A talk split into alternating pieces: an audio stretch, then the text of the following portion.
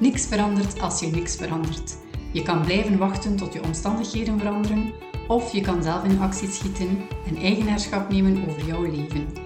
Mijn naam is Steffi en in deze podcast wil ik samen met jou naar minder twijfelen, meer voert en gewoon doen. Zie je wel, ik heb het nog gezegd, hè? ik wist het. Woorden die wij als mens maar al te graag uitspreken, want we hebben allemaal graag gelijk. Niet in die zin van ik weet alles beter en ik wil in discussies kost wat kost me gelijk halen, maar wel als we op voorhand de situatie hebben kunnen inschatten en dat wat dat wij dachten dat ging gebeuren, ook effectief is gebeurd. In deze aflevering heb ik het over waarom we zo graag gelijk hebben, wat confirmation bias en self-fulfilling prophecy daarmee te maken hebben en hoe deze zaken ons vaak in de weg staan van het nemen van actie of gewoon doen. Onze behoefte om gelijk te willen hebben heeft eigenlijk niets te maken met ons ego of met koppigheid. Het heeft iets heel primitief en instinctief. Want als mens willen wij graag zo veilig mogelijk zijn, want dat verhoogt, dat verhoogt onze overlevingskansen. Zo veilig en comfortabel mogelijk. Ons brein is er dan ook op voorzien om ons veilig te houden. Als wij over een bepaalde situatie gelijk hebben, dan geeft dat een veilig gevoel. Want dat betekent dat jij die situatie goed hebt kunnen inschatten op basis van de kennis en de ervaringen die je hebt opgedaan. En al die informatie en ervaringen die zijn opgeslaan in jouw brein. En je kan dat zien als allemaal mapjes met die informatie in, die jij bewust, maar zeker ook onbewust opent wanneer dat zich iets voordoet of wanneer dat je iets ziet. Je gebruikt eigenlijk die informatie om een situatie te beoordelen. En een heel simpel voorbeeld is je ziet bijvoorbeeld iemand die op blote voeten naar buiten wil gaan en je zegt, oh, je zou beter je schoenen aan doen, want ja, met je blote voeten op kiezelsteentjes lopen, dat is nogal pijnlijk. En jij weet dat, omdat je dat misschien zelf al hebt ervaren, of omdat je andere mensen kent die jou daarvoor behoed hebben. Dus jij hebt dat geleerd, je hebt die informatie en jij weet dat is waar. Als de persoon waar je dat tegen zegt niet luistert en alsnog op blote voeten naar buiten loopt en je hoort het zo van, ai, au, au, hè, dan geeft jou dat eigenlijk een voldaan gevoel. Niet dat die persoon aan het afzien is of dat die persoon pijn is, maar wel in, zie je wel, ja, ik heb het toch gezegd. Dus wat dat jij dacht over die situatie werkt op dat moment of wordt op dat moment bevestigd. We gaan als mens ook graag op zoek naar de oorzaak van gebeurtenissen. In dit voorbeeld, geen schoenen is de oorzaak, het gevolg is, je hebt pijn aan je voeten. Die informatie is natuurlijk heel nuttig, en gelukkig hebben wij als mensen het vermogen om al die informatie op te slaan en die ook te gebruiken om ons te beschermen tegen gevaar of pijn. En in dit voorbeeld gaat het om fysieke pijn. Je leert bijvoorbeeld al heel snel dat het niet slim is om je hand op een kookplaat te leggen, omdat je dat waarschijnlijk genoeg gehoord hebt van de mensen die je opgevoed hebben, van de mensen rond jou, of je hebt het toch eens geprobeerd en je hebt ervaren dat dat heel pijnlijk kan zijn. De eerstvolgende keren dat jij een kookplaat ziet, dan ga je daar misschien zelf nog bewust aan terugdenken. Maar op den duur wordt daar ergens opgeslaan in je brein, in een van die mappetjes. En dan denk je daar zelfs niet meer over na. Dan is dat eigenlijk een gewoonte geworden en dan weet je eigenlijk instinctief dat je best je hand niet op een kookplaat legt. Dat is een heel simpel voorbeeld om aan te tonen hoe dat komt dat gelijk hebben gelijk staat aan veiligheid, aan veilig gevoel. In andere situaties kan je dat ook toepassen, maar is het niet per se altijd nuttig. Um, onlangs uh, zei iemand tegen mij over een koppel die uit elkaar is gegaan. Van ja, ik heb het altijd al zien aankomen, ik heb het altijd geweten, want die zijn veel te snel getrouwd. Die waren nog maar net samen en direct getrouwd, ja. Je zag dat al van ver aankomen dat dat nooit ging blijven duren. En natuurlijk is dat zever, dat is bullshit, want het is niet omdat je snel trouwt met je partner dat je relatie gedoemd is om te mislukken. En ik kan het weten, ehm, wij zijn ook vrij snel getrouwd. En er zijn zeker nog genoeg relaties die wel stand houden, ondanks dat ze in een vroeg stadium ehm, in de relatie gekozen hebben om te trouwen of om samen te wonen. Maar we willen eigenlijk heel graag de oorzaak kennen van iets dat gebeurt. Zie maar hoe geïnteresseerd dat veel mensen zijn in het leven van bekende Vlamingen. Ehm, het feit dat er nog zoveel uh, roddelboekjes verkocht worden, is daar eigenlijk een, een mooi voorbeeld van. Want we, allez, Mensen zijn geïntrigeerd, geïnteresseerd in het leven van anderen, omdat ze zoveel mogelijk informatie gaan verzamelen om zichzelf te behoeden van een mogelijk gevaar of een mogelijk risico. En je denkt dan ook, hè, als ik die informatie dat ik opdoe, toepas in mijn eigen leven, dan ben ik veilig. Dus in het voorbeeldje van daarnet, als ik niet direct trouw en even de kat uit de boom kijk, ja, dan zal ik al niet die misstap tussen aanhalingstekens begaan. Als er een pro probleemsituatie voordoet of er gebeurt iets dramatisch, willen wij als mensen heel graag weten waarom, omdat we dan denken dat als we die reden weten, dat wij ons kunnen behoeden voor als er zich een soortgelijke situatie voordoet. En het geeft eigenlijk een beetje een gevoel van controle. Ook al is dat gevoel vals, want eerlijk is eerlijk, we hebben geen glazen bol en we weten eigenlijk niet wat er gaat gebeuren. En zoals in het voorbeeld van snel te trouwen, ja, je linkt die oorzaak aan dat gevolg, maar dat is eigenlijk ook maar gewoon een assumptie. Dat is een veronderstelling dat je maakt. Kort samengevat, gelijk hebben geeft ons een veilig gevoel. En het helpt ook wel als we een situatie kunnen inschatten als er effectief een gevaarlijke situatie zich voordoet. Bijvoorbeeld ons behoeden van fysieke pijn door niet ons hand op een kookplaat te leggen. Maar over veel zaken hebben we een oordeel klaar waarvan dat we eigenlijk niet weten of dat, dat oordeel al dan niet waar is. Hoe komt het dan dat wij heel vaak bevestigd worden in onze voorspellingen, in, ons, ja, in wat dat wij denken dat gaat gebeuren? Want hoe vaak gebeurt het niet dat je als mens kan zeggen, zie je wel, ik heb het nog gezegd, hè? ik heb het altijd gedacht. Enerzijds heeft dat te maken met de confirmation bias en anderzijds met de self-fulfilling prophecy. Een hele mond vol, maar ik ga het uitleggen. Wat jij gelooft is waar voor jou. Als jij ervan overtuigd bent dat de wereld een verschrikkelijke plek is, dan ga je vooral aangetrokken worden tot negatief nieuws, die dat oordeel over die wereld bevestigen. Je gaat, ook, je gaat jezelf ook vaker omringen door mensen met dezelfde overtuigingen. Je zal eerder geneigd zijn om te kijken naar alles wat dat slecht is. Als je naar het nieuws kijkt, dan zie je vooral negativiteit. Positief nieuws zal je niet snel opmerken en als je het al opmerkt, dan zal je het ook eerder in vraag stellen of er een of ander verhaaltje of uitleg rond verzinnen waardoor dat jouw overtuiging bevestigd wordt. Jouw overtuiging van de wereld is naar de kloten en alles wat dat je ziet gaat dat bevestigen. Als jij gelooft dat de wereld een mooie plek is en dat we in de best mogelijke tijd ooit leven, dan ga je eerder geneigd zijn om je te richten tot positief nieuws. Dan ga je misschien zelfs bewust of onbewust het nieuws en het negatieve nieuws vermijden. En je gaat eigenlijk zoeken naar wat mooi is. En je zal je ook omringen door mensen die de wereld ook een mooie plek vinden en die positiever ingesteld zijn. En het gaat er niet om of dat ene meer of minder waar is dan het andere. Dat doet er zelfs niet toe.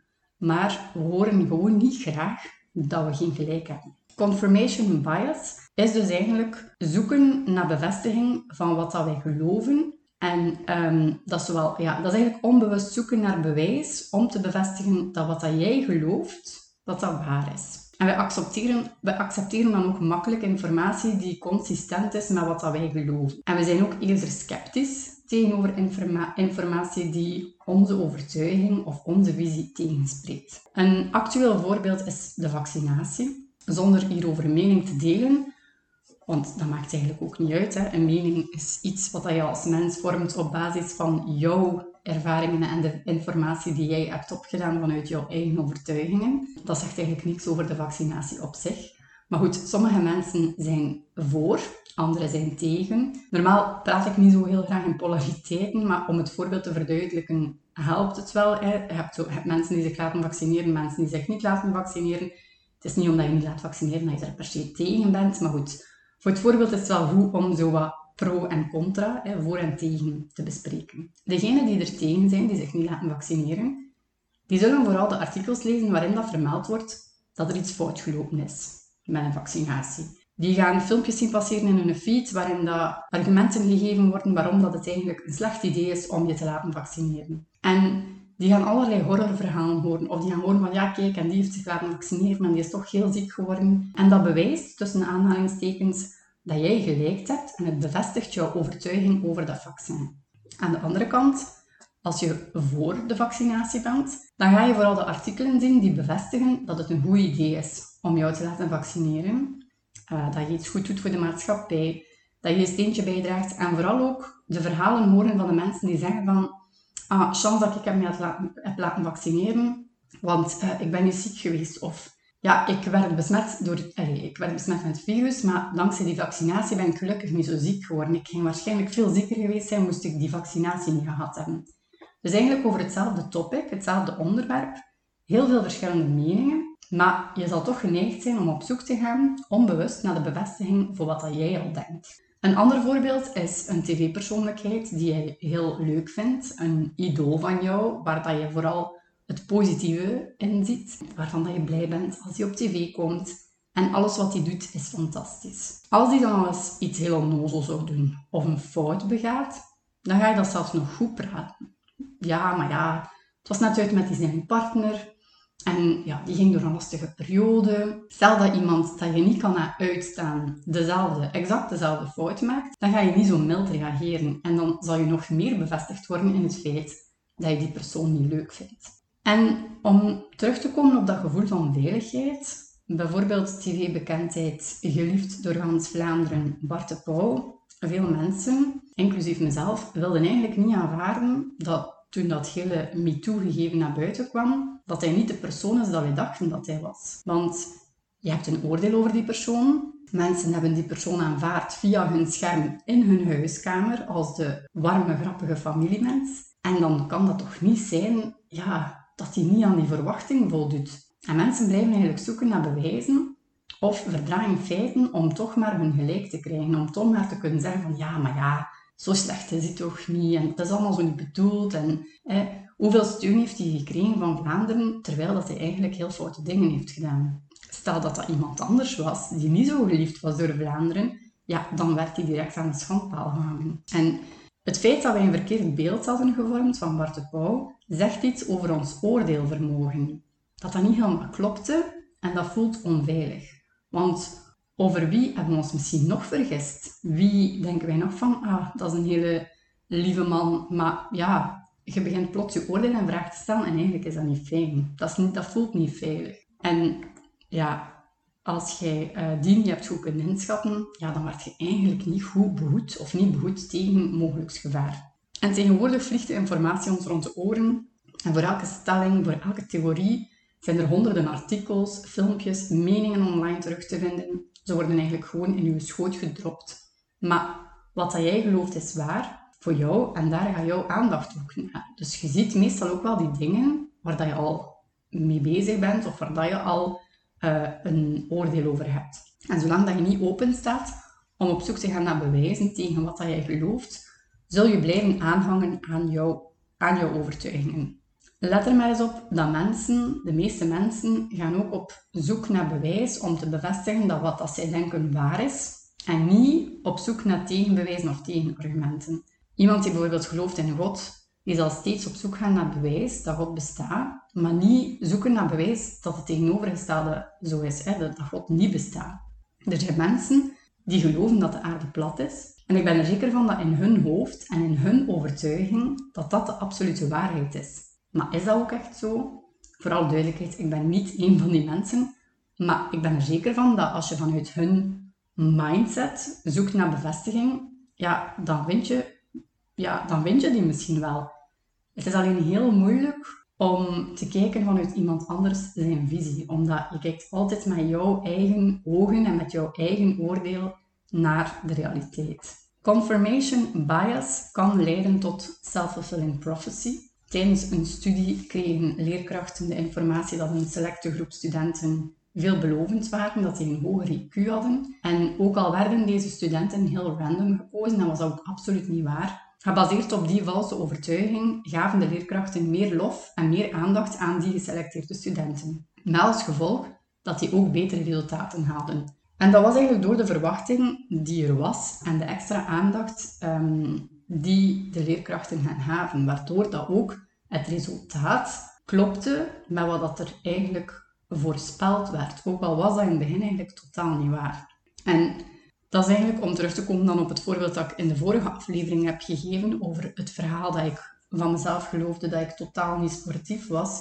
Dat is ook zo, dat kun je ook, hè, confirmation bias is, ik ging eigenlijk onbewust op zoek naar bewijzen dat ik niet sportief was. En iedere keer als ik iets deed van sport, dan werd ik eigenlijk bevestigd, omdat ja, het lukte niet goed of ik hield het niet vol. Ik uh, kon geen vijf kilometer lopen. Ik dacht ook van ja, ik ga dat nooit kunnen. En de self-fulfilling prophecy daarin is dan ook wel dat je iedere keer, ja, je doet al niet veel moeite. Als je er al van overtuigd bent dat het niet gaat lukken, ga je ook niet veel moeite doen en je daar ook iedere keer in bevestigd. Maar als gevolg dat zolang dat ik bleef vasthouden aan die waarheid dat ik toen had, ja, heb ik nooit vijf kilometer kunnen lopen. Als ik mijn verhaal veranderd heb, als ik mijn overtuiging veranderd heb, ja, nu loop ik wel vijf kilometer en soms meer. En het is heel belangrijk dat wij onze overtuigingen in vraag durven stellen, hoe pijnlijk en ambetant dat dat ook is. Want eigenlijk willen wij niet horen dat alles wat wij al die jaren aan het doen zijn, dat dat misschien toch niet zo goed is. We willen eigenlijk liever niet weten dat onze gewoontes ons in de weg staan om te groeien.